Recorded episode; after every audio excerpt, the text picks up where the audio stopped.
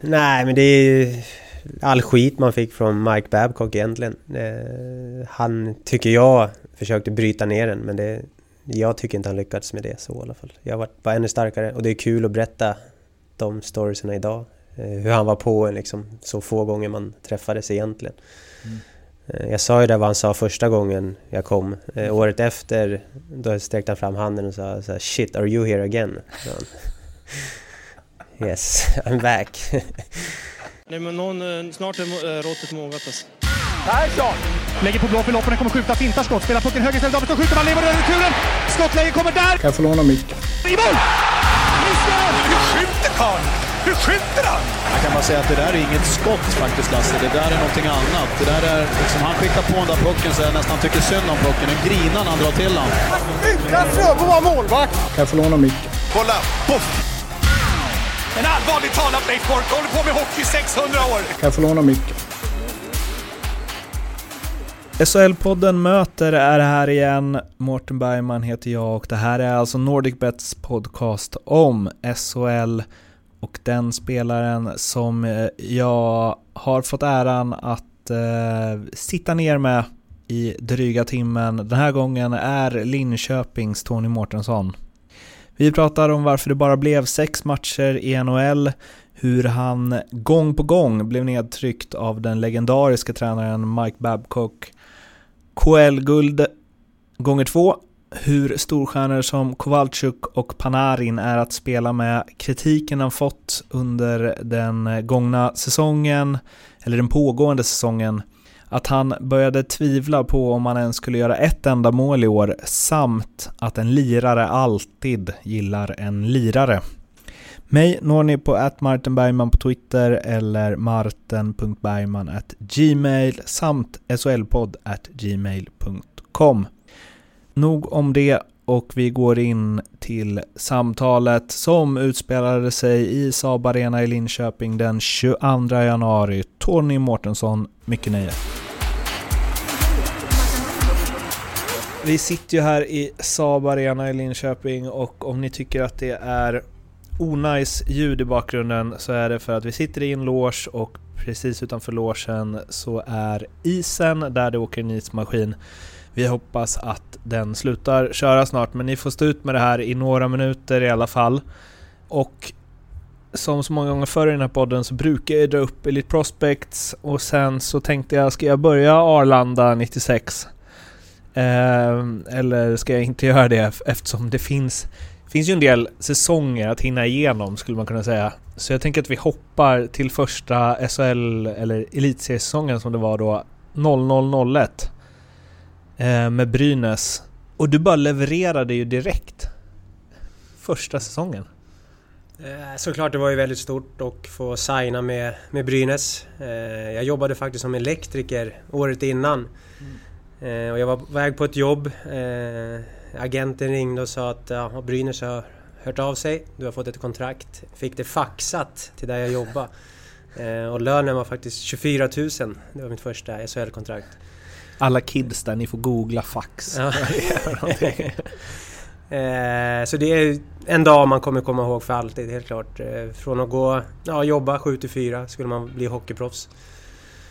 Eh, nej, kom till Brynäs där 0001 och ett härligt gäng. Mycket äldre gubbar. Jos Sjödin, Christer Olsson, Bisset, Janne Larsson, Ove Molin. Som tog hand om en bra och det... Jag hade ju haft tränaren där innan också, Roger Melin, så jag fick ju förtroende och... Ja men spela, spela i tredje, fjärde kedjan där och det vart en del mål. Så det var häftigt. Och du, du lirade i tredje, fjärde kedjan och gjorde alltså 15 baljer och 11 ass. Din första mm. elitsäsong. Som vadå? 20-åring? Det ja. är ju bra. Eller det är ju eh, svinbra. Eh, nej men det var, det var rätt bra. Eh, spelade, vad kan man spela, 10-12 minuter per match. Plus minus statistiken var väl mindre bra men det var mycket offensivt och en sån spelare är jag var jag framförallt innan också liksom. Och det, nej, det var kul. Det var... Men, men kände du så här, det här är lugnt? Här håller jag, inga problem. Eh, nej, men det är klart man hade bra självförtroende när man fick, eh, fick göra lite mål och sånt också. Eh, det underlättar ju. Spelade ett, Ja, vi, vi ville verkligen spela hockey också så det var lätt att komma in och eh, hockeyn såg ju lite annorlunda ut som sagt, det var 17-18 år sedan. Eh, men det var en, en säsong som flöt på. Du sa du fick 24 000 första kontraktet. Var det liksom så här proffsdrömmen som gick i uppfyllelse till fullo? Tyckte du så här wow? Eh, ja men det var det. Eh, som jag sa just när det faxet kom där och det stod på kontraktet liksom jag skulle få bli hockeyproffs. Eh, det var ju sjukt stort liksom. Så jag flyttade från Märsta, flyttade upp till Gävle och Brynäs är ju en klassisk storklubb också. Det, nej, det var, ju, det var ju drömmen som gick i uppfyllelse då helt klart. Men det var inte, för du var ändå med i så här ehm, eh, ja men eh, J-landslag och så vidare. Eh, spelade väl eh, precis junior-VM där året innan. Det fanns liksom inte så här, det var inte bara check, nästa steg. Det, här var, det är det här jag tänkt hela tiden ska bli. Eh, nej, jag tror att det var lite... Det var ju svårare som junior att komma upp i SHL då, känns det som i alla fall. Det var inte många som fick chansen. Eh, så det... Jag hade ju en tanke på att köra kvar i Arlanda. Eh, som du säger, jag var med i JVM och det gick ändå helt okej. Okay. Spelade med Zetterberg och Per Hallin, kommer jag ihåg. Tredje kedja där. Det har ju gått bra för en av dem. det får man säga. Nej, men så det var, det var absolut ingenting jag hade förväntat mig att komma till SHL. Det var det inte, utan det var... Nej, men som jag säger, det var, det var en dröm som gick uppfylla att kunna spela hockey på heltid. Det blev en säsong till i Brynäs. Och sen så bar det över pölen till eh, Cincinnati. Precis, Mighty Ducks. Um, I AHL. Hur uh, var det? Eh, det var faktiskt efter två säsonger i Brynäs så förlängde jag mitt kontrakt i två år till och skulle vara kvar där. Eh, men 14 juli, alltså dagen innan deadline, eh, åka över så fick jag ett kontraktförslag från, ja det var ju från Anaheim, men jag förstod att det skulle bli farmalaget. Så jag hade 24 timmar på mig eh, att tänka vad jag, vad jag skulle göra. Eh, men jag kände att jag hade ingenting att förlora. Jag var grymt dålig på engelska så jag tänkte att om inte något så kan jag lära mig det i alla fall. Så eh, nej, jag bestämde mig rätt fort att fan, jag tar den här chansen. Och eh, jag tror inte Brynäs vart så glada just då eftersom det var så sent också på sommaren där men Nej, jag kände att jag, jag åker dit och kör de här två åren och någonting bra kommer komma utav det. Hoppades jag i alla fall och sen... Ja, det var ett häftigt äventyr. Fick även göra ett par NHL-matcher också. Eh, jag tycker att jag spelade bra i farmarligan, gjorde en del poäng och vann poängligan i laget där. Och, men fick väl inte riktigt chansen tycker jag själv. Eh, men körde på de två åren och tycker jag kom tillbaka som en bra mycket bättre hockeyspelare än vad jag var innan jag åkte och fick även debutera i landslaget där året efter också. Vad var det som, som du var bra mycket bättre på? Eh, nej men man... Eller blev bra mycket bättre på? Hockeyn i farmarligan på den tiden den var ju oerhört tuff ju liksom och ska man säga, man är väl en rätt soft spelare så liksom, men där var man tvungen att ta hand om sig själv. Det var ju otroligt mycket hakningar och slagsmål och även om jag slapp slåss så var det, man fick ändå skydda sig själv liksom. Och sen var det som 22-åring åka över dit. Eh, där är det ju inte att de tar hand om spelarna utan jag kom till campen i Anaheim, gjorde en träning, sen var det bara, ja, du ska ner till farmarligan. Eh, det var ju bara att åka flyg dit och sex timmar och när man kom dit då fick man en broschyr liksom. Här kan du hitta en lägenhet. Liksom, det, man var tvungen att ta hand om sig själv så att man växte, växte som människa otroligt mycket liksom. Och det, det tror jag haft, haft med mig resten av karriären. Ja, vadå, du fick en träning? Ja, eh, jag, jag gjorde en, ett pass med, ja, i, på campen i Anaheim där. Eh, vi var ju vad var 40 spelare, så det var inte bara jag som vart nedskickad utan det var det här klassiska, efter första träningen så låg det en flygbiljett till Cincinnati på, på trunken. Men den låg ju där innan första träningen också. Ja, de hade bestämt sig. Det var att man kom dit, man var ju liksom otroligt stolt. Eh, hälsade, det var Mike Babcock som var tränare då faktiskt. Mm. Man tog ju han liksom hälsa och det han svarade var liksom Who are you? Sa han. Jag bara, eh, I'm from Sweden. Det var typ det jag kunde säga på engelska. Så det är klart, han hade ju ingen koll på vem jag var och det förstår jag. Jag åkte, jag åkte dit för att slåss i farmarligan men man, någon mer träning hade jag hoppats på att få i alla fall. Du visste till hundra att du skulle till farmarligan innan du åkte dit? Ja, det gjorde jag ju. Även om drömmen var ju att få vara kvar och spela såklart. Men det, jag antog att det skulle bli så, absolut. Vilken, eh, vilken knasig grej. Eller så här, det känns ju som att det spelade, hade inte spelat någon roll alls hur det gick den träningen. Nej, för mig hade det nog inte gjort det. Alltså man var rätt tanig, eh, svensk. Eh, jag tror Babcock, i alla fall då, tyckte han väl inte om svenska så mycket. Tror jag i början där. Eh, vart väl annorlunda när han flyttade till Detroit och fick en hel hög där. Men det året så skickade jag hem Samuel Paulsson också från Anaheim liksom. Och sen tog tillbaka han och det slutade med att de vann Stanley Cup där året efter tror jag. Eh, så nej, man hamnar lite i kläm. Eh, jag varit även sagd att jag var alldeles för liten för att spela NHL och för svag och under de här två åren så jag var väl inte en del i deras plan och det är mycket politik. Jag är draftad sent. Eh, Varför plockade de ens över det då? Ja, han tror ju att scouten som plockade över mig där såg väl någonting i mig liksom. Och det, det visar att man blev en helt okej okay hockeyspelare till slut ändå, även om det inte vart hos dem liksom. Men jag, nej, hade skrivit på två år. Eh, jag hade ju ändå bestämt mig. Jag, jag ska köra de här åren, jag ska inte åka hem liksom. Även att jag hade ju otrolig hemlängtan men... Körde på, bet ihop. Eh, fick ihop ja, 160 matcher i OL och som sagt, jag fick göra mina sex matcher i NHL och göra mål. Så det, det känns jäkligt bra nu i alla fall. Ja, och det måste vi faktiskt prata om. Eh, och just att det är liksom Mighty Ducks också som jag kan tänka mig även icke hockeyintresserade känner väl kanske till genom diverse Disney-filmer och liknande. Hur var det att och liksom debutera i mm. NHL? Vad kommer du ihåg från din debut? Eh, nej, det är klart, det är, där har också en, en, såklart en dröm liksom. Även om man var i farmarligan så man drömde om det här samtalet att eh, du är uppkallad och en dag kom det. Eh, det var mitt andra år där borta och det hade rullat på bra i farmarligan och eh, alla runt omkring mig fick chansen, de jag spelade med eh, i samma lag och i kedjan också. Jag tror att till slut så var de ju tvungna att ge mig chansen eftersom det ändå gick så bra där nere. Så ja, tränaren i farmarligan tog in mig och sa att eh, du ska åka till Columbus imorgon. Eh, kanske du får debutera. Och Cincinnati och Columbus är rätt nära varandra. Så. Mm. Åkte taxi upp dit, eh, fick vara med och träna på kvällen dagen innan match då. Och visste inte om man skulle få spela. Sen om det var en lördag var det match, man kom ner till omklädningsrummet och där har de hängt upp tröjan när du kommer ner så är du i line-upen och man... Ja, det är klart man hade ju legat hela natten och funderat. Eh, men kommer ner och där... Ja, där hängde tröjan bland alla andra. Det, då mm. visste man inte. 46. Mm. Samma där, får man till högt nummer så är det, det är inte bra. Eller det var inte bra då i alla fall. Vad kände du då? Liksom? Nej, men det var ju häftigt såklart. Man lever ju liksom i nuet så man kunde inte liksom känna så mycket så. Men det var ju... Spela NHL liksom, det var ju otroligt coolt liksom. Man, shit, lilla jag är här och ska få chansen. Ja, sen fick spela några minuter i alla fall. Men som sagt, de sex matcherna jag gjorde, jag spelade väl totalt tio minuter kanske på, på sex matcher. Det, det var egentligen helt onödigt så liksom. Få två, tre minuter vad vad skulle jag göra? Då får man ju säga att, att du har ett bra poängsnitt i förhållande till speltid.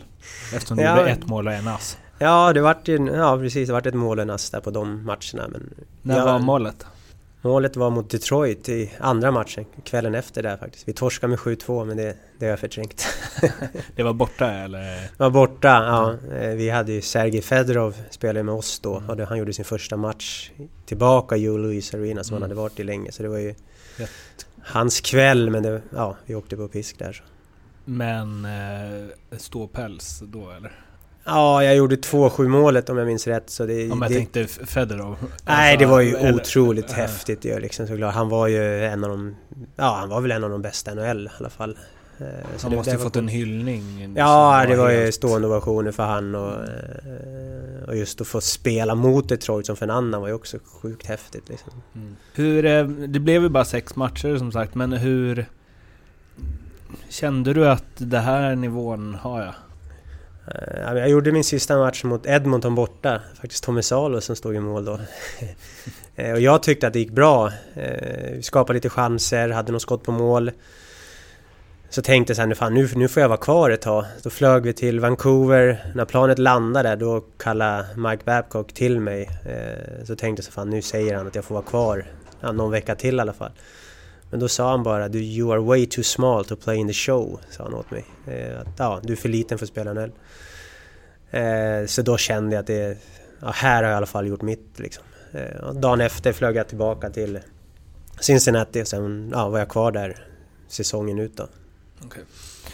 Och sen så tillbaks till Sverige och Linköping. Var det liksom hundra att uh, åka hem? Ja, det vart lockout faktiskt året efter där. Eh, så det var ju ingen liga i NHL. Och stanna kvar och bara spela i Cincinnati, det fanns inte på kartan liksom. Och då, då var ju Roger Melin här, som sagt. Eh, det var han som hörde av sig och frågade om jag ville komma hit. Eh, då var det Cloetta Center nybyggt. Plus att det var ju lockout, så man visste att SHL skulle bli en riktigt bra liga liksom. Mycket bra spelare. Ja, signade två år här och sen fortsatte det. Gav du upp eh, NHL-drömmen när du åkte hem? Nej, det gjorde jag inte. Utan, eh, eftersom det vart lockout så tänkte man ju att fan, nu har jag ett år på mig hemma och försöka göra så bra som möjligt och kanske få chansen igen. Eh, som, nej, man körde ju... Det är klart jag hade drömmen och för jag tyckte ju själv att jag... Jag kanske inte skulle ha spelat... Eller jag tyckte själv att jag skulle ha spelat mer såklart men jag tycker inte jag fick chansen ens. Utan, och det vill jag i alla fall ha men ja, det vart aldrig mer. När, eh, när gav du upp den? Nej, jag gjorde ju några säsonger här i LHC. Eh, det var ju några som var riktigt bra. Då var det ju ett par NHL-lag som hörde av sig till agenten och frågade om jag var sugen att åka igen. Eh, och det var jag ju, men sen dök ja, erbjudanden från KL upp. Och sen har jag även fått lite förfrågningar när jag spelar där borta om jag vill åka över och testa, men nej, det vart aldrig så. Varför vart det aldrig så? Eh, dels så tyckte jag att jag hade det så bra i Sankt Petersburg. Eh, tjänade bra pengar såklart. Eh, ja, hade byggt upp som en säkerhet där. Jag, jag spelade en av Europas största och bästa lag. Eh, ville väl inte chansa och åka över. Eh, det kan jag inte känna idag att jag kanske borde ha gjort. För det var ju några år där man, eh, ja, man producerade bra i klubblaget, fick spela mycket i landslaget också. Ja, gjorde det bra, gjorde mycket poäng även där. Så då, då kanske man skulle testa åkt över. Var det en, en trygghetsgrej att, liksom, att du hade det så jävla bra och du inte ville riskera något Cincinnati igen? Eller Nej, men det var väl lite så. Eh, jag fick ju liksom inget klartecken heller att du kommer få spela i NHL utan det var ju du får åka över och chansa. Sen var man lite feg och inte tog den chansen. Eh, jag hade det bra där jag, där jag var liksom och det var en just då kändes det som en tillräckligt stor utmaning att vara kvar. Liksom. Vilken klubb var närmst i NHL? Eh, det var lite från Calgary och från, sen var det Anaheim som var på mig också faktiskt. Okay. Då hade de ju bytt tränare och så. Mm. Om vi buntar ihop då kanske lite de här Linköpingssäsongerna mellan 04 och 08. Du vräkte ju in poäng och det blev ju bara bättre och bättre för varje säsong. Mm. Och eh, ni gick eh, långt i eh, slutspel. Två av åren va? Två finaler vart Två finaler, ja, precis. Eh, 06, 07, 07, 08, stämmer det?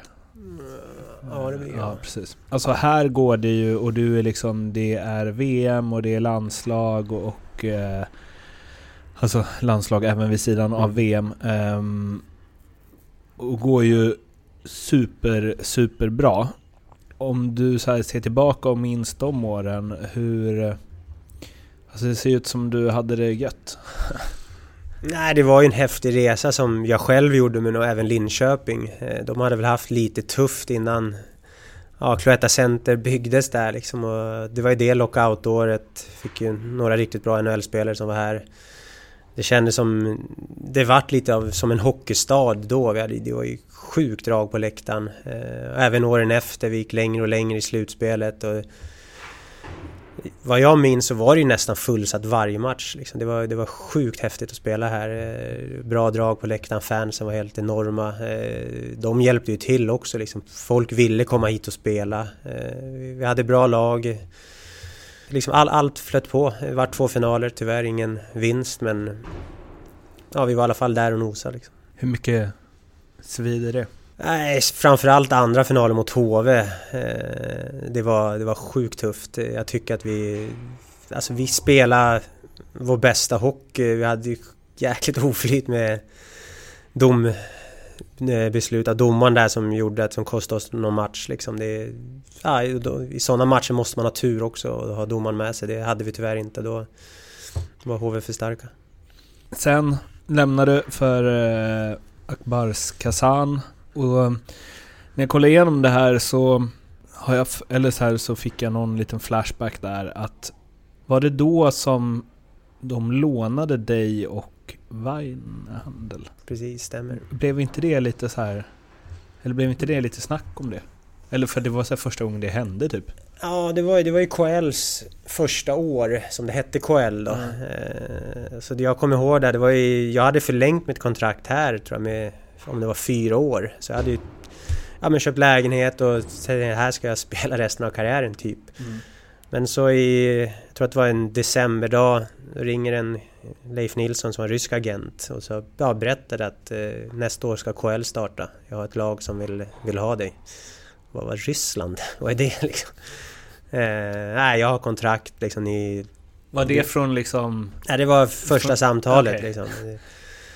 Men ja, man, man började kolla upp det här. Jag vet att de hade mycket kontakt med Mike såklart. Jag hade kontrakt, Wein hade kontrakt. Det gick inte att lösa så vi skulle komma till samma lag utan vi hamnade i olika lag där borta. Men, och det var klart redan i, ja, jag tror att det var januari, februari. Så vi spelade för fullt här och det var mycket snack om klubbarna skulle gå ut med det eller... Eh, men då valde LHC att gå ut med det rätt tidigt liksom. Vi spelade fortfarande. Utan det var ju så det var. Och det, jag skulle inte ta i mindre bara för att det var klart. Och det visade sig sen också att det, ja, vi gick ju till final liksom. Så. Eh, nej men det var ju samma där.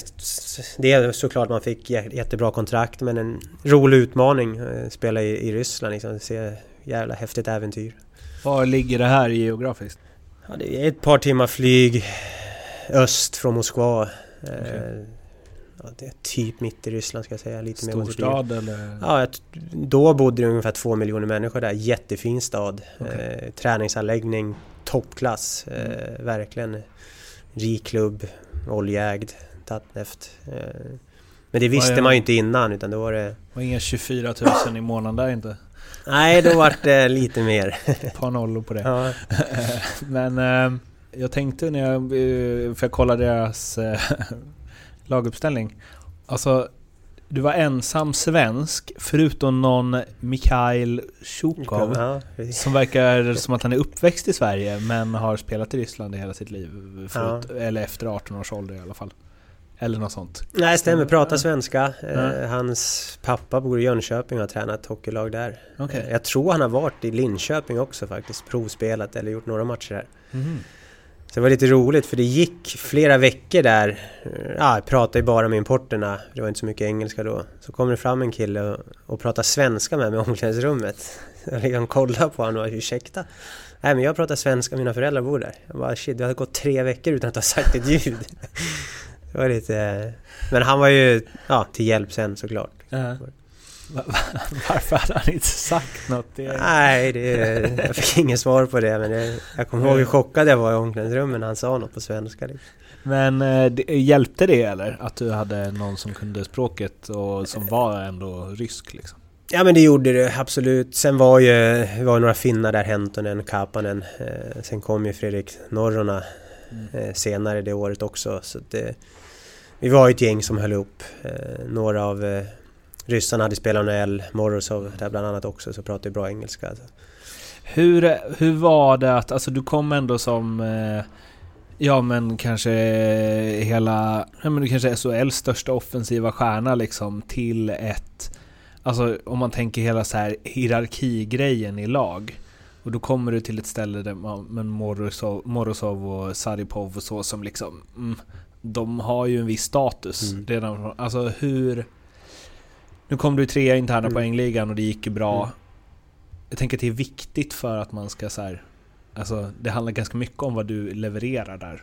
Andra dagen då tog tränaren in mig, Biljatinov, som också pratar bra engelska. Eh, så sa han så här, jag tänkte att du ska spela med Morozov och Saripov, men du ska spela defensivt, sa han.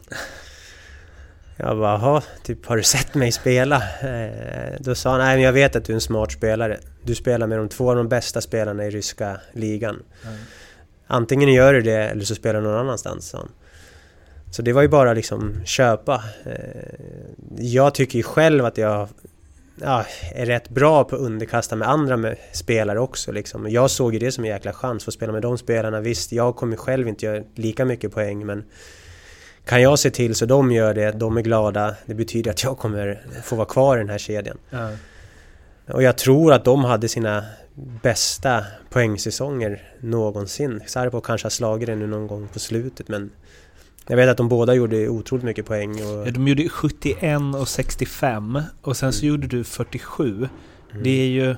Eller jag undrar lite hur vissa målen såg ut. För ni spelade ändå i samma kedja och Morozov gjorde liksom 24 poäng mer. Mm.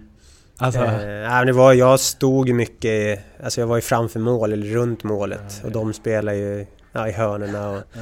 Vi hade någon back där, Nikolen också tror jag, som gjorde riktigt mycket poäng. Spelade i landslaget en massa år. Men de var svinbra eller? Ja, de var helt, helt otroligt alltså. Det var, sen är ju hockeyn lite annorlunda, mer öppnare, men där var det inte mycket dumpa in pucken och jaga utan om jag dumpade någon gång då fick man ju skäll ju liksom. Det skulle alltid passas eller droppas eller... Hur var de som... Eh, alltså jag ser ju så två superdivor framför mig. Nej, det Saripov pratar inga engelska alls faktiskt. Så han pratar jag knappt med. Men Morrison är jätteskön, han var ju kapten också. Han hade ju gjort 6-7 ja, år i Pittsburgh va, tror jag. Så det var ju som du säger, det var ju en superstjärna. Men han tog hand om mig på ett bra sätt liksom och lärde mig mycket sådär. Mm. Det var ju en spelare som man såg upp till såklart. Är det inte knepigt att eh, spela med någon som man inte kan prata med? Nej, jag tycker inte det. Det är lite svenskt där också att man ska sitta och prata hela tiden. Liksom. Vi, vi visste hur vi skulle spela. Liksom. Hockeyspråket och rita på en tavla, det, det, behöver man inte prata för att förstå. Lite så. Så det, det, det funkar jättebra. Du gjorde ju, vad var det, fem år till i Ryssland sen. Eh, hur är din ryska? Mm. Alldeles för dålig faktiskt. Okay. Eh, jag tror hade jag varit kvar i Kazan då hade jag nog pratat flytande ryska. Så jag flyttade till Sankt Petersburg där och där Ja, ja, nästan alla pratar engelska runt laget, eh, restauranger och sånt. Så det var en internationell stad på ett annat sätt. Så det, det, också, det ångrar man ju idag, det är klart man skulle ha lärt sig det. Men vadå, du hankar dig fram? Ja, det är klart, man förstår ju absolut ja. sådär. Eh, nu är det ett par år sedan man var där, men när man var uppe i det då... Alltså jag klarar mig på ryskan, absolut. Men om du hade liksom tagit en ja, en vodka med Saripov idag mm. så hade det tagit slut på samtalsämnen för ett tag eller? nej, men då, jag, jag, tror att han är bättre på engelska nu också Aha, faktiskt. Okay. Så, äh, nej, det, det, är klart man hade kunnat fråga hur, ja, hur läget är och, och sådana saker liksom. Ja. Och ni vann ju Gagarin Cup. Mm. Enorm, mm. Det måste ju varit fett. Ja, det var coolt. Jag kom ju från två raka finalförluster här med Linköping. Ja, vi gick till final där. Det var match sju. Tänkte man torska den här hela matchen och då slutade jag fan med hockey alltså. På hemmaplan också. Eh, nej, vann med 1-0 tror jag, match sju där. Eh, ja, som på hemmaplan, hockeystad. Det var ju såklart... Var det bra var det tryck på... Ja, vi hade... Jag tror att de tog in 10 500 där i Tatneft Arena. Det var fullt nästan varje match. Aha, det var okay. Nej, det var grymt, grymt bra. Hur var det att, så här, eh, att vinna då?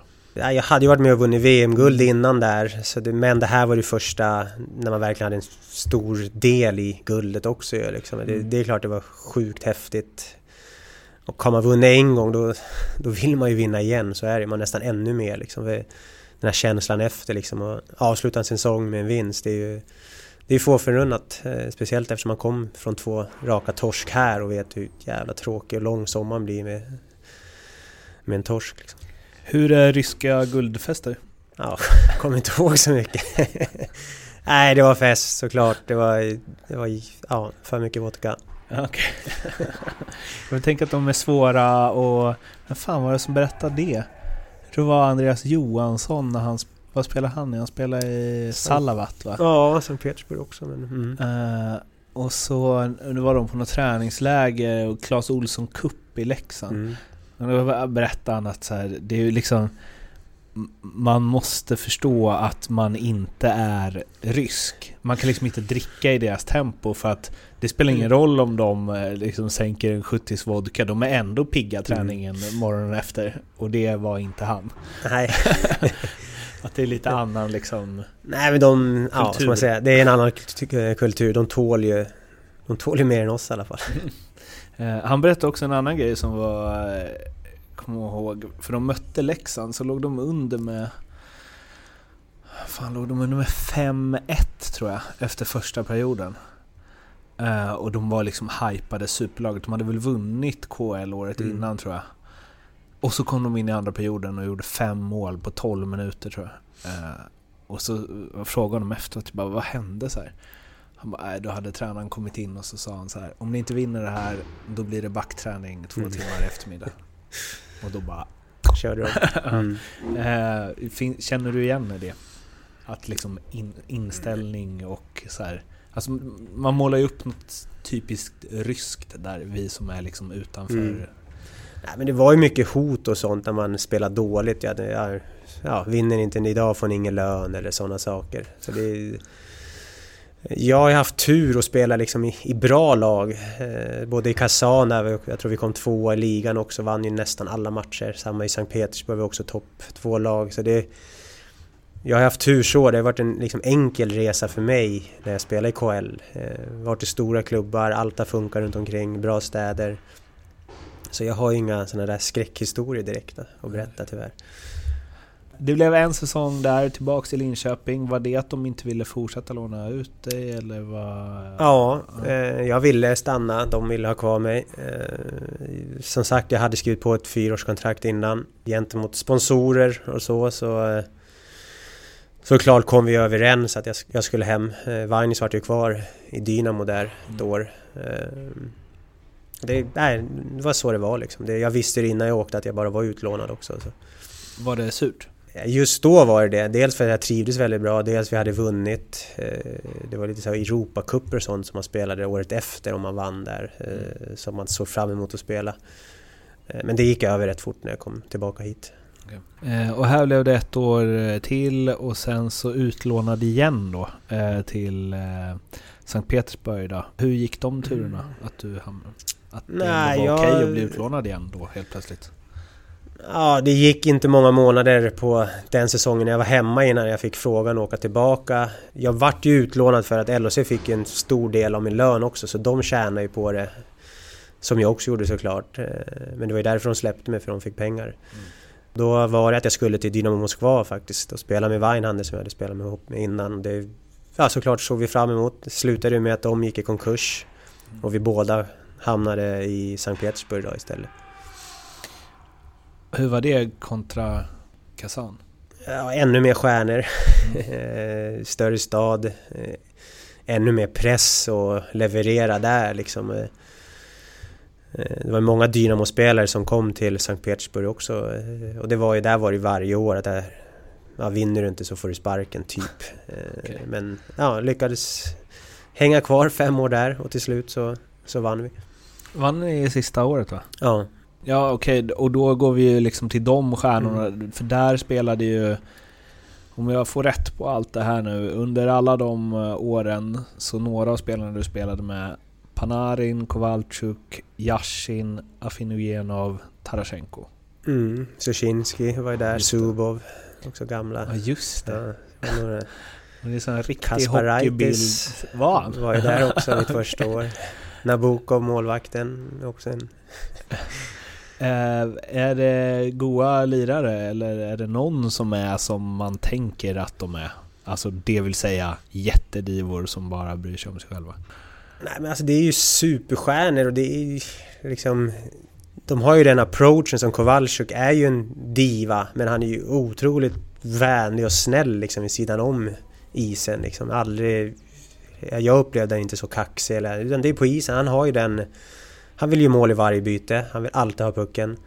Eh, Då ser det ju ut som ibland att han är div. Han åker skaka på huvudet om man inte passar han. Eh, Men spelar man i, i hans lag då förväntar han sig av sina medspelare, är han fri så ska han ha pucken. Och jag, jag tycker inte det är fel liksom. Det är lite, det är väldigt osvenskt men här hemma om man skakar på huvudet för man inte fick en pass då får man ju skäll av tränaren ju liksom. Men ja, är jag ledig då tycker jag att mina medspelare ska se mig och passa mig liksom. För det där är intressant för jag kommer inte ihåg vem det var jag pratade med. Jag pratade med någon annan som har lirat med honom som sa att han är liksom Så en jävla bra kille vid sidan Mm. av. Och superschysst. Ja. Och, liksom, och det, jag var, va? Jag trodde att han var sån som bara gick först efter Mm. träningen och inte pratade med någon och liksom... Nej, absolut inte. Han är kvar länge på isen, eh, tränar extra. Eh, liksom, jag tyckte han alltid ställde upp för laget. Han är ju så mycket vid sidan om isen som han gör. Liksom. I alla fall som jag såg, gnällde aldrig. Eh, och sen när vi kom till slutspel så gick han ju liksom i bräschen, tycker jag. Han gjorde ju mycket poäng när han täckte skott. Eh, Mm. liksom, så det är en jättebra kapten. Yashin, hur var... Mm, Han var i slutet på karriären, var skadad mycket. eh, Men också, tycker jag, en skön, eh, skön gubbe liksom. Eh, Ja, han kunde ju verkligen ge mål också. Spelade i samma kedja som han och Sushinski där ett tag också. Så det, är- det är också sånt man ser tillbaka med och tycker att det är coolt att ha varit där. Afinogenov, tänk, det jag tänker på honom tänker på att han var snabb. Ja, han var ju, vad ska man säga, inte divig, men han var ju också lite speciell. Han spelade med mig och Weinhandel. Då skulle vi ha powerplay och då sa ju tränaren åt han att gå och ställa sig framför mål. Mm. När jag var på träningen. Då åkte han och ställde sig där och stod och kollade liksom upp på läktaren och I don't know what to do, sa han. Liksom, men du ska försöka skymma målvakten. I don't know, never played here. Så det slutade med att jag fick åka in dit för han, han vägrade vara där liksom. Eh, Gött. Och Panarin var, var det... Han vann väl poängligan där sista Ja, året, den kedjan med Dadonov och Shipashov var ju... Det är den bästa kedjan jag har sett spela hockey någon gång på liksom nära håll. De var ju helt enorma, speciellt sista året när vi vann där. De gjorde vad de ville. Eh, De har även varit ruskigt bra i, i landslaget ju, under VM och sådär. Så. Mm. Tre ja, galet skickliga spelare. Vem var bäst av, alltså nu har vi, eller så här, vem var den, den du var mest imponerad av, av de här namnen som liksom alla hockeyintresserade ändå känner igen från, ja, NHL och liksom... Nej, men man, man, direkt när de kom till oss, både Tarasenko och Panarin, så såg man ju att det här är ju spelare som... Alltså får de bara chansen så kommer de ju lyckas i NHL. Eh, Jag vet att jag sa det till vänner också, alltså vi har någon spelare som kom nu, Tarasenko, det är helt sjukt alltså. Han är ju en av världens bästa nu. Det var ju nästan samma Panarin. Eh, Alltså de har ju, de har ju så mycket hockey i sig så att det är helt fantastiskt liksom. Det är kul att ha varit, spela i samma lag som dem. Eh, Så det är dem, om jag måste ta några. Men sen är det faktiskt Patrik Thoresen som jag spelar i samma kedja som i fyra år som... Ja, jag tycker vi, vi spelar riktigt bra ihop. Eh, Han liksom var en jävla ledare, gjorde, gjorde alltid liksom... Ja, gjorde alltid 100 procent. Eh, Också vann ju, har ju vunnit där borta ett par gånger. Eh, Otroligt stor människa och hockeyspelare. Om vi, eh, ja men vi, vi, tar, vi tar den här. Men eh, Weinhandel, ni hade ju en speciell eh, connection känns det som. Ja, jag hade aldrig spelat med honom innan han kom hit. Eh, jag vet att Mike... Eh, vi hade förlorat mot Modo tror jag året innan. Då kom Mike till mig på sommaren och sa att eh, vi ska signa Weinhandel och du ska spela med han.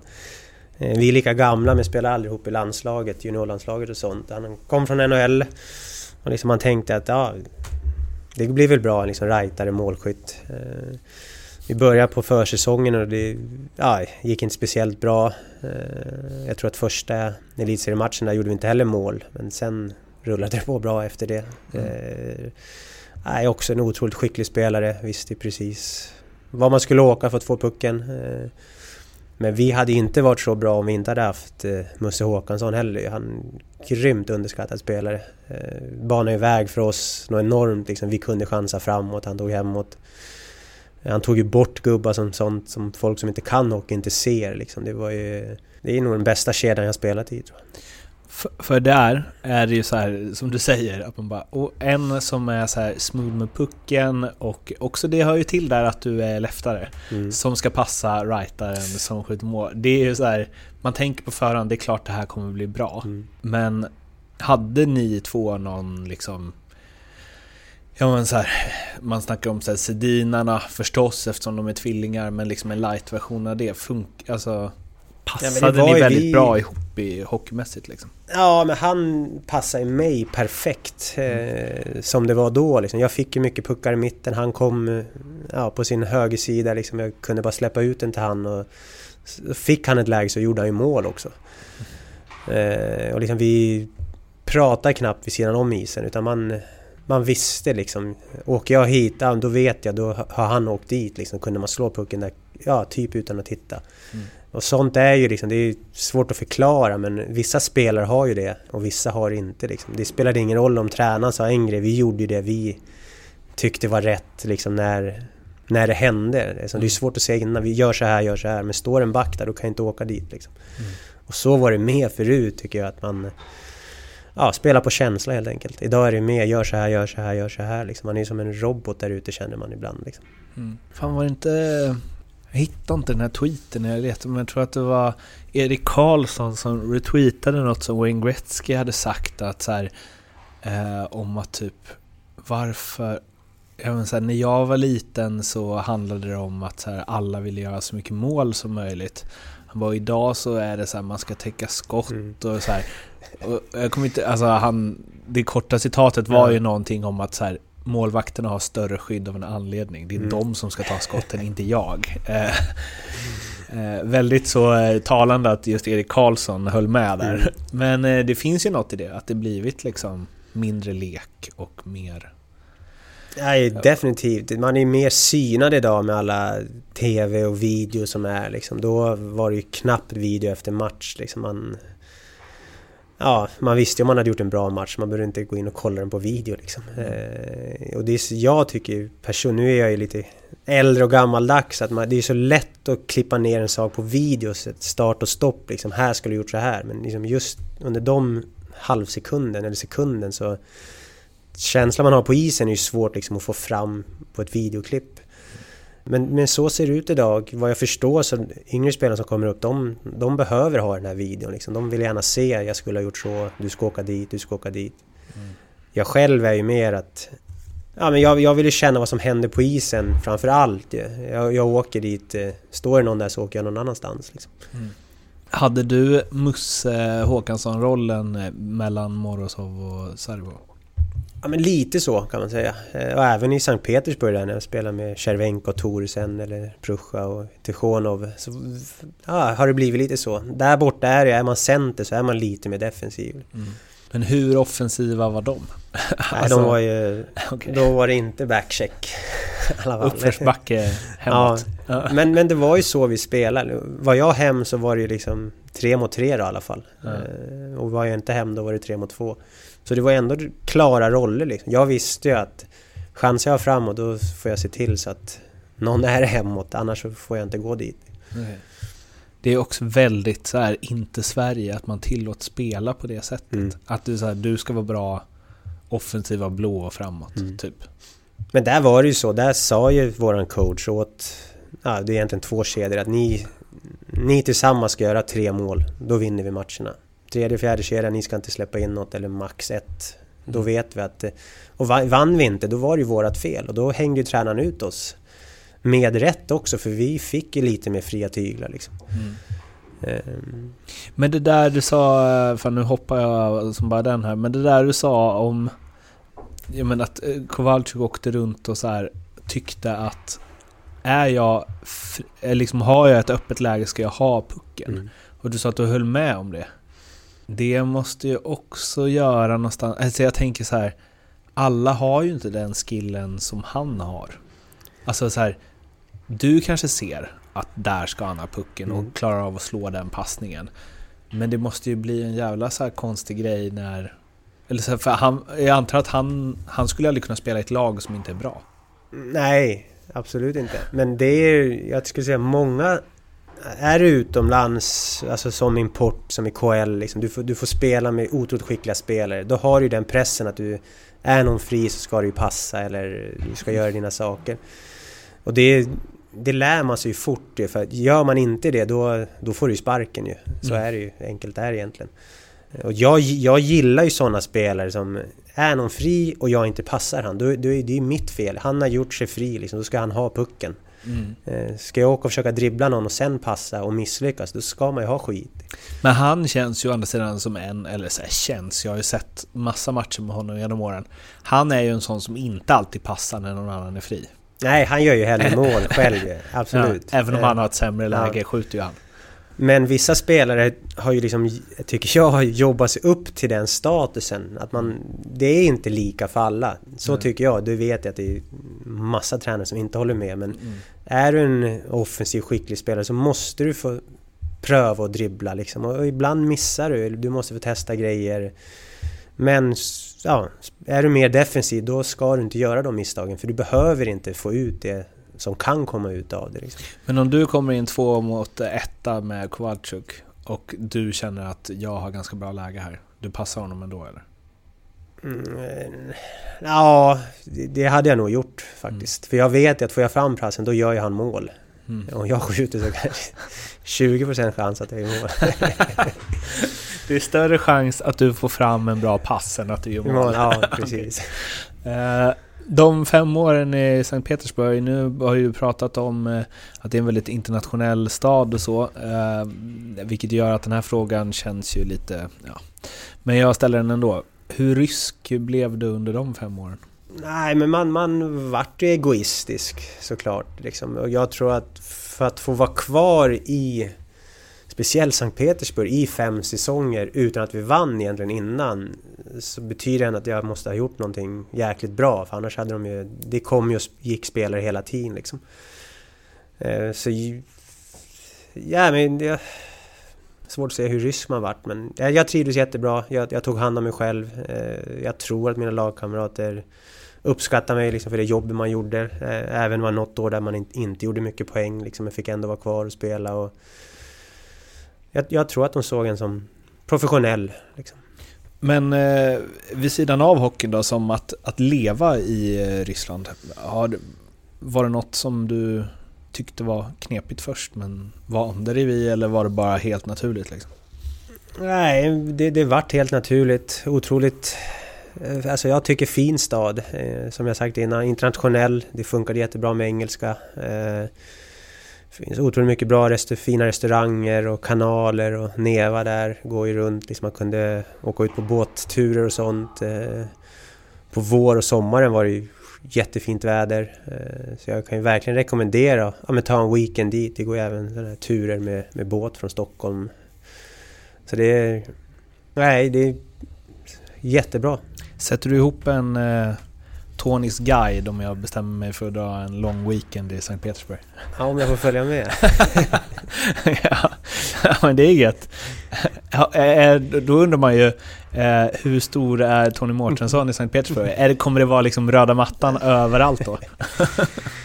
Nej, nu är det ju några år sedan man var där, men eh, ja, jag gjorde ändå fem år och jag tror att jag var rätt uppskattad av fansen och de runt omkring. Liksom. Och det, just när man avslutar med att vinna också när man åker därifrån. Det var ju första guldet för Sankt Petersburg. Mm.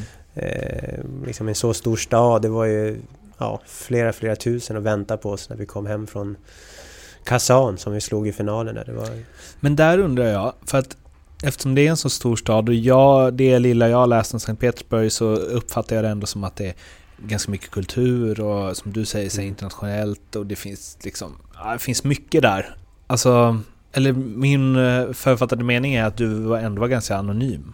På, alltså i att gå på stan. Eller? Kom det fram folk hela tiden?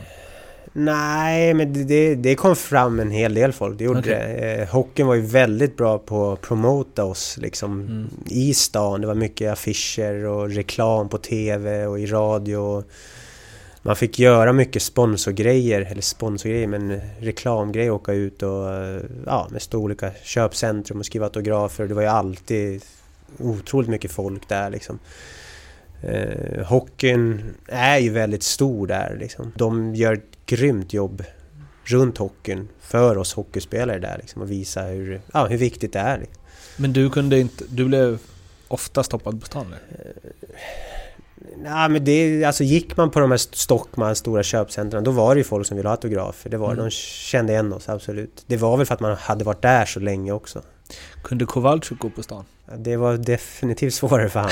Han är ju en, eh, alltså en, ja, superstjärna i Ryssland. liksom. Han är ju med på talkshower och Okej. gör reklam liksom för allt möjligt på TV. Hur är relationen med, om man pratar om... Eh, nej men, pratar ju om att liksom hur de är eh, som spelare och i omklädningsrum och så där du liksom har ändrat bilden lite av hur mm, se- jag ser i alla fall på så här, de ryska divorna. Men vid sidan av, hängde ni? Eller var det hockey, hej då? Ja, det var... De hade ju familj och barn och sånt liksom. Och där är man ju, man spelar fyra matcher hemma och sen åker du på roadtrip. Då blir det ju att man hänger när man är på roadtrip för då... Ja, man bor ju på hotell och... Men när man är hemma och har ledig tid då... Ja, då vill man ju vara med, med familjen. Eh, Så det var ju inte mycket tid vid sidan om hockeyn som man eh, hängde ihop liksom. Det var det inte. Du blev utsedd till KLs, vad säger man, gentleman Mhm. 2010-11. Är du, eller jag, du verkar väldigt snäll. är du det? Eh, ah, jag, jag br- br- brusar sällan upp på isen så där. Det ska mycket till att jag ska skrika åt en domare eller sådana saker. Jag, jag vet inte om det har kommit med åldern men man, det känns onödigt på något sätt. Eh, jag lägger hellre fokus på andra saker. Du behöver inte den liksom mm, för att mm, här, tända till ute på isen. Nej, inte... Nej, då är det större chans att jag blir arg på de medspelare för att de inte passar pucken om man är fri. Linköpings Mm. Kowalczyk. Eh, Okej, så det var liksom ingen, eh, eller de- den utmärkelsen fick du med rätta? Ja, det, där, det vet jag inte men jag vet inte varför jag fick den utmärkelsen faktiskt. Blev du glad? Samma prisutdelning så fick jag för bäst plus minus i ligan. Jag vart ju gladare för den. Sen så lämnade du Ryssland för Lugano, som ju på tal om fina städer är en fantastiskt fin stad. Eh, Jag var där 2008, hade ju Sverige sitt eh, läger under EM där. Så jag var där och jobbade. Ligger ju superfint, eh, svingoda pizzor. Och jag fattar verkligen att liksom det måste vara jävla guld att spela hockey där och nära till bortamatcherna och liksom allt. Eh, var det det? Mm. Nej, det var ju varje dag man öppnade dörren och såg ut över Luganosjön. Det var ju, det var ju magiskt. Eh, det var ju lite därför... Ja, vi skulle få barn. Det var därför jag valde att åka från KL. För jag ville ha så mycket tid med familjen som möjligt. Eh, och då ja, hade jag valt på att åka hem eller välja Schweiz. Eh, fick förslag från Lugano. Hade bara hört liksom, ja, bra saker om staden och sådär. Så det, ja, testade att åka dit. Eh, och vid sidan om var det helt, helt magiskt. Vilken, vilken stad som du säger. Maten, en timme till Milano också. Det var ju bergen, Alperna. Det var... Nej, det var två helt underbara år liksom. Sen... Eh, rätt tufft att spela där. Där får man ännu mer kritik och skit som import. Eh, mitt första år började rätt dåligt. Eh, vi skulle ha barn, min sambo var född i Sverige. Eh, man hade tankarna på annat håll. Ja, det började man... Ja, fick försvara sig för fansen och för media. Man skulle få sparken och bla bla bla. Men det slutade rätt bra det året. De, de gick till final, förbi kvartsfinal som de inte hade gjort på 10 eller 11 år tror jag. Eh, Vi gick till final men torskade tyvärr mot Bern då, men... Nej, det var ett äventyr helt klart. Bern ska ju by the way vara en sjuk stämning. Ja, det är 18 000 i deras arena och... eh, Vad är långsidan är stå? Ja, hela... Det är bara klack typ. Fan, det känns som 7-8 tusen som står där. Eh, Och de sjunger verkligen hela matchen. Okej. Det var, det var, där var det tufft att spela. Är det den högsta så här, stäm... Alltså, eller kontinuerliga stämningen du varit med om? I... Eh, Ja, då, nej, då är det nog faktiskt i Lugano. När Lugano möter Ambri. Då är det ju Ticino-derby. Okej. Eh, Då är det helt galet. Alltså det är, de skjuter raketer och smäller bomber och kastar in öl och det, matcherna tar ja, 3-4 timmar liksom. Det, Har du avgjort någon sån eller? Någon... nej, det vart straffar en gång som jag gjorde mål på på slutet. Det, nej, det var helt, helt sjukt alltså. Det är en klassisk hall också, Luganos arena. Den är vad är det, 70 år gammal eller något sånt där, 60. Så det är ju väldigt högljutt. Men Du lirade, eller jag, lirade du med Klasen och Fredrik Pettersson? Ja, det I var samma kedja eller? Ja, Ja. det var ju lite samma där. Jag tror att de... Vilken jävla lirarkedja. Ja, men jag tror de tog ju dit mig för att de skulle få köra sitt och jag städade upp lite då, om man kan säga så. Ja, vi fick ju spela aj, för mycket nästan. Det var ju 22-23 minuter varje match, men... Ja, vi var ju ändå med och tog laget till final som de inte hade gjort på 10-11 år. Eh, sen lämnade tyvärr Freddan då. Så det, nej, det var... Jag tycker ändå att det var, det var två bra år liksom. Det var, det var kul att se en annan del av världen eller Europa så också. Hockeyn har tagit en till många häftiga ställen. Klasen är inte med i OS, rätt eller fel? Eh, jag tycker att det är fel. Varför då? Nej, otroligt skicklig spelare, kan bryta mönster. Eh, jag tycker att Tre Kronor borde ha haft plats med sån lirare. Liksom. Det är, alla spelare kan inte göra som tränaren säger, tycker jag. Man måste ha spelare som vågar bryta mönstret. Sen vet jag inte hur hans år i år har varit sådär, men som för två år sedan när jag spelade var han ju nej, så jäkla bra så att det var sjukt. Det, måste, det är många som jag har intervjuat som säger att han är den så här, med puck, alltså på träningar och så, så här, vad han kan göra, att de inte sett någon annan göra sådana saker. Nej, det är, det är det värsta jag sett också. Och där har du också en kille som säkert av många anses som kanske lat eller sådana. Han är ju först på hallen, först i gymmet, först ut på isen, sist av isen, varje träning. Mm. Eh, tränar ju liksom otroligt mycket. Eh, och borde ha fått mer cred liksom. Han har ju också gjort galet mycket poäng där nere liksom. Det, jag tycker man glöms bort lite för att man hamnar i schweiziska ligan tycker jag liksom. Är det så, um, jag måste, för att jag ser ändå dig som en, eh, du var inne på det innan, att du är en soft-spelare. Eh, jag ser ju dig som en lirare. Även om du liksom, nu har vi pratat om många säsonger här då du har tagit en defensiv roll. Eh, men det är ju kanske för att de andra två har varit så extremt mm. mycket lirare mm. liksom. Är det så att så här, tänker någonstans som en, ja, men en lirare uppskattar en lirare liksom? Nej men så är det definitivt. Mm. Eh, men jag ser, om någon skulle fråga hur jag är som spelare, jag, jag vill ju lira. Jag ser ju hellre att man åker in med pucken i zonen och dumpar in den. Eh, men sen har jag aldrig jag dribblar ju sällan någon spelare. Utan jag, för mig är en lira man kan slå en passning mellan klubba och skridsko eller mellan benen på någon och hitta ytor och sådana där saker liksom. Eh, men sen har man ju fått utveckla det defensiva spelet mer liksom. Förut så, ja, brydde jag mig knappt om det. Så var det ju. Alltså man, det gällde bara att göra mål. Nu kan jag ändå uppskatta en match även om man inte gör poäng. Även om man... Man måste vilja ha kvar den... Alltså drivas åt det hållet tror jag. Eller jag måste det i alla fall. Ska jag skita i det då kan jag lika gärna sluta spela hockey. Så är det ju. Tillbaka i Linköping eh, är ju där vi hamnar nu innan lite avslutande frågor som eh, jag ställer i varje intervju. Varför blev det Linköping?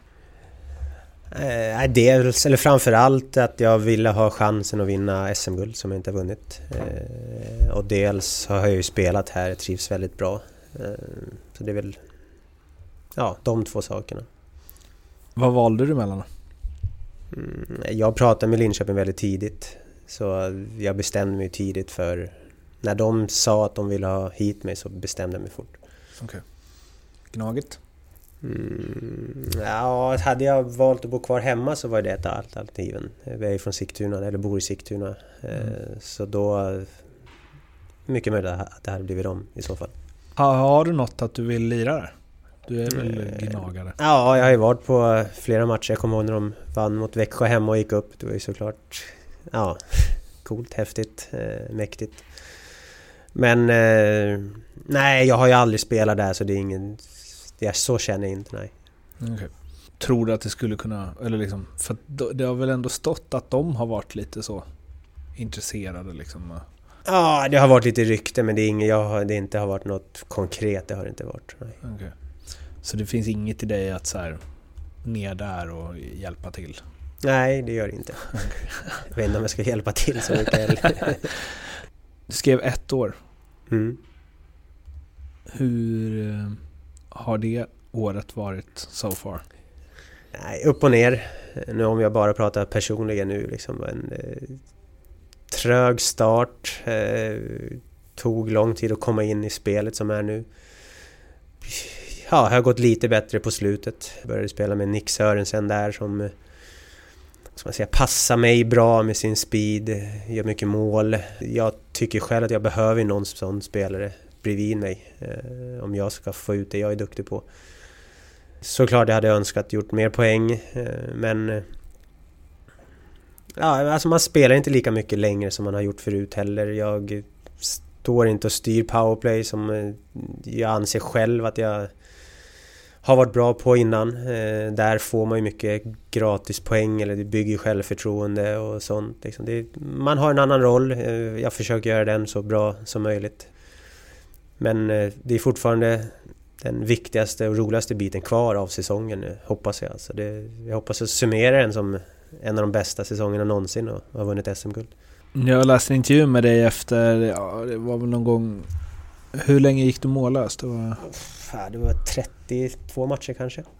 det måste ju varit någon eh, runt där. Eh, men då sa du i alla fall, man läser inte mycket media men man ser ju att fans och sådana sågar och man har förstått att det står en del i media också huruvida, eh, ja, eller så här, inom citationstecken, är han slut? Och så vidare. Och så sa du att man har ju en del rutiner så det är inte direkt så att man har panik än. Eh, det här var nog bara efter 15 matcher kanske. Det är klart jag önskar jag hade producerat mer. Sedan har man en annan roll idag än vad jag haft de senaste åren. Jag har inte samma krav på mig själv heller att göra poäng och producera. Eh, och då sa du ju så här, du är inte panik än. Fick du panik någon gång? Inte panik, men det är klart jag tänkte så här, ska du bara fan spela en hel säsong utan att göra mål? Alltså, det är ju helt sjukt i så fall. Eh, Så så kände jag absolut. Det förstår Ja. jag verkligen. Alltså. För grejen var att jag, jag hade ju sjukt, jag sköt ju nästan ja, tre, fyra skott per match och det är jättemycket för att vara mig liksom. Ja. Det, man träffar ribban, stolpen och missade bra lägen. Men den, den ville fan inte in alltså. Eh, Så nej, inte panik men det var... Jag funderade att eh, vad fan är det som händer? Helt klart.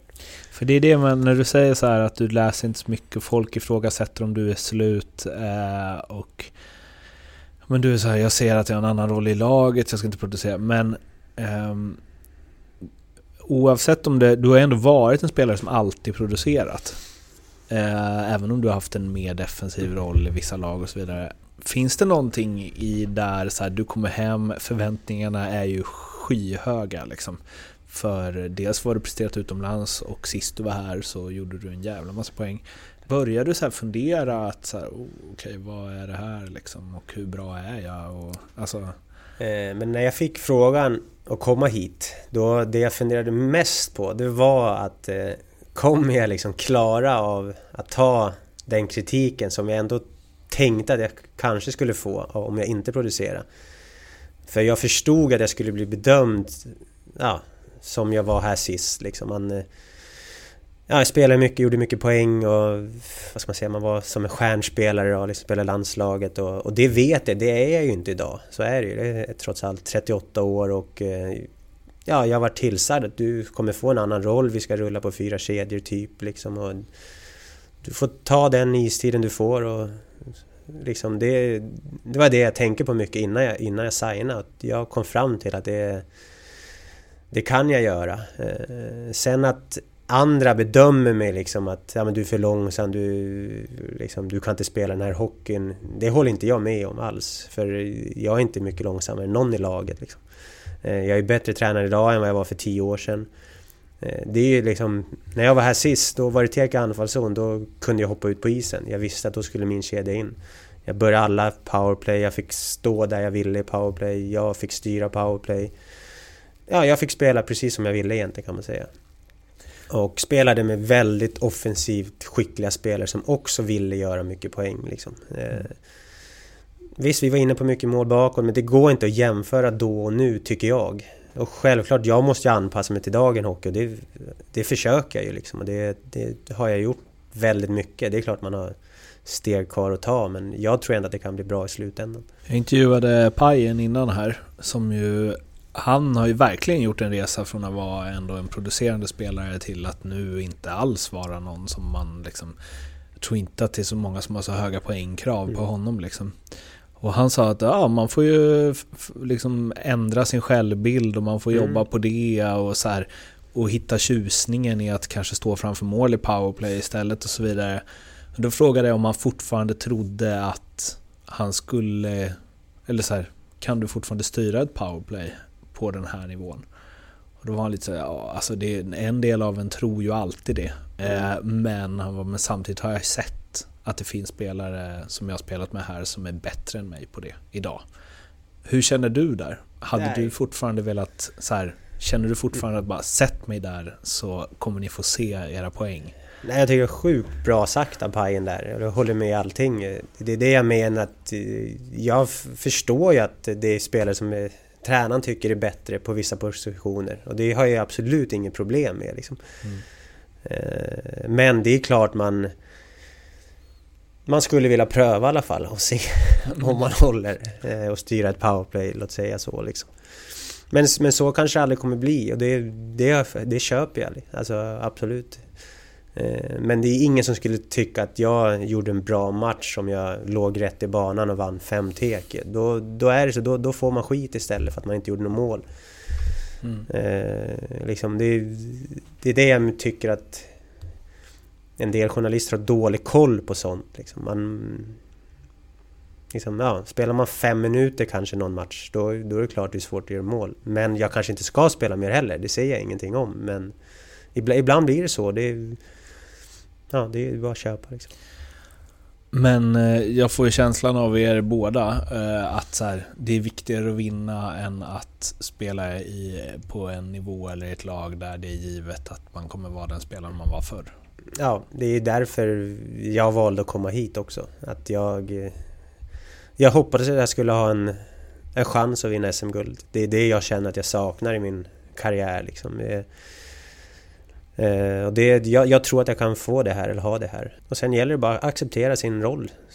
Det, det måste man göra som spelare. Liksom. Det, det har ju andra gjort innan, eller bättre spelare än jag har ju fått göra det. Liksom. Så det det är så det funkar. Hur länge till lirar du? Ja, skulle vi vinna SM-guld så kanske man ska sluta på topp. Mm. Och om ni inte gör det? Då får vi se. Eh, nej, men jag, jag har haft tur med skador. Jag känner mig ändå jäkligt fräsch. Eh, jag tycker att när man spelar som bäst så känns det som man har mer att ge. Samtidigt som när man har gjort en dålig match, då kan man ju känna vad fan håller man på med liksom. Det är kanske bättre att någon annan får ta den här istiden. Så det, det pendlar lite där. Men jag, jag tycker fortfarande att det är jättekul att gå upp på morgonen och åka hit tidigt och träna och spela matcher. Och jag blir ju fortfarande arg när man får kritik och det tycker jag, för mig är det bra liksom. Hade jag inte brytt mig då, då hade det varit dags att sluta. När du tänker på att, eh, alltså onekligen så har du ju eh, en kortare tid kvar av karriären än vad som har gått. När du tänker på att det här kommer kanske ta slut om ett par år, max. Eh, hur känner du då? Mm. Det, det är jättesvårt att känna den känslan på något sätt men jag är... Ja, jag, jag är otroligt stolt vad jag har gjort. Eh, Jag har fått se många häftiga platser. Eh, Jag har fått vinna på en del ställen. Eh, det, liksom, det, har varit, det har varit en häftig resa. Sen är man ju otroligt tacksam av alla som har varit med under vägen. Liksom, som man kanske inte har tackat när man hade chansen. Liksom. Man hade ju inte varit där man är förutom många människor. Så är det. Har ni börjat snacka om nytt kontrakt eller? Nej. Eh, avslutande frågor eh, som jag ställer till alla. Förutom eh, Foppa, Sudden och Lidas, vem är Sveriges bästa spelare genom tiderna? Henrik Zetterberg. Förutom Wayne Gretzky och Mario Lemieux, vem är världens bästa spelare genom tiderna? Sidney Crosby. Tror du att du är så bra som du är ja, idag eller de senaste åren hade spelat i första femman i alla NHL-lag 1990? Nej. Jag tänker att det har utvecklats en Mm. del hockeyn sedan dess. Att, Ja, liksom, fast den var ju bra mycket tuffare 1990 alltså. Okej. Shit, vad var det han sa? gammal. You're too, you're too small You're for the way show. too small to play in the show. Eh, om du får tänka helt fritt, vilken regeländring, hur galen den än må vara, hade du velat testa någon match inom hockeyn? Jag hade spelat fyra mot fyra hela tiden. Ett svar av, från en lirare. Den bästa spelaren du spelat med och då inte CV-mässigt utan den som du tycker har varit bäst. Nej, Patrik Thoresen. Och den bästa du mött utifrån samma premisser. Pavel Datsjuk. Han jättebra? Ja. um, för, eller andra NHL-matchen skulle jag teka mot han och han... Ja, det kändes som jag vägde 20 kilo och han 200. Så jag hade inte en chans. Det gick inte att ta pucken av honom. Sen har man mött han i landslaget någon gång och det är nej, helt otroligt. Är det så att man blir eh, lite så här, vad säger man? Lite hjälplös? Ja. Då kände jag det, det, alltså. Han är så bra liksom? Ja, då... Ja, det här var ju 03-04. Han var väl kanske som bäst då också. Mm. Något år till där. Men då, nej, han var fantastiskt duktig. Den bästa tränaren du haft?